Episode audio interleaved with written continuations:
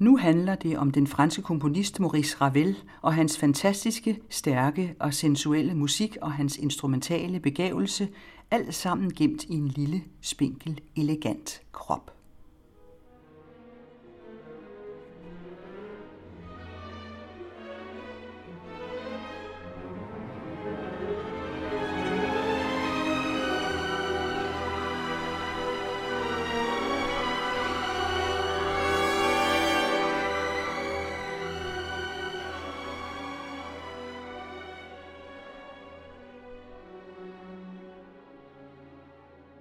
Den musik hører til noget af den mest sensuelle, der findes. Komponeret af en franskmand, der kendte orkesterapparatet helt ind i maven. Maurice Ravel, som til synlædende udelukkende havde det sensuelle inde i sig. Ingen har nogensinde oplevet ham i nogen som helst sensuel eller seksuel relation, hverken til det ene eller det andet køn. Ravel havde mange bekendtskaber og nære venner, men aldrig så længe af gangen, og alligevel så var venskaberne meget tætte, mens de stod på men vi ved forbløffende lidt om ham. Der er ikke mange store kunstnere, der har efterladt så lidt om sig selv som Ravel. Så få dokumenter, der kan kaste lidt lys over hans private og hans skabende liv. Han var meget bange for at udstille sine følelser, det ved vi fra hans venner. Det gemte han til musikken, og de forholdsvis få breve, han skrev, er præget af et overmål af forsigtighed, når han talte om sine følelser. De undgår at fortælle noget som helst, der bevæger hans indre. Maurice Ravel var utrolig lapset, altid fuldstændig vasket og strøget og med perfekte manchetter og i den allernyeste og mest fashionable måde. Hans slips, hans sokker, hans lommetørklæder og mønstret i hans jakkesæt matchede fuldstændig og med eksklusive cigaretter i cigaretrør. Hans attitude over for hans egen musik var upersonlig, som om det kunne have været af hvem som helst, og han kunne i det hele taget sjældent overtales til at lytte til sin egen musik. Han var også ligeglad med succes. Det, at han havde en karriere, interesserede ham ikke. Han skrev musik, fordi han var nødt til det, ligesom der gror æbler på et æbletræ, som han selv sagde. Men ud af det indifferente kom der musik som balletten om Daphnis og Chloe, et langt freskomaleri, som han fortæller det, ikke så meget tænkt i antikke baner, som med det Grækenland, han havde i sine drømme, som var mere relateret til et Grækenland, som franske malere havde lavet i slutningen af 1700-tallet, og sikke en musik.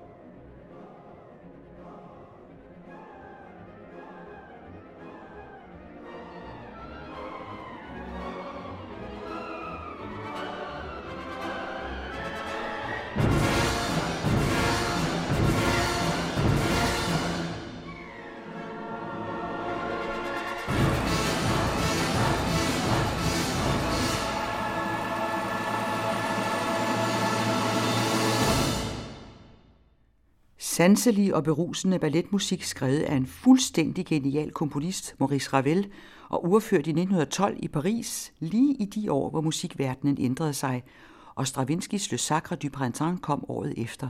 Det må have været sjovt at være i Paris dengang.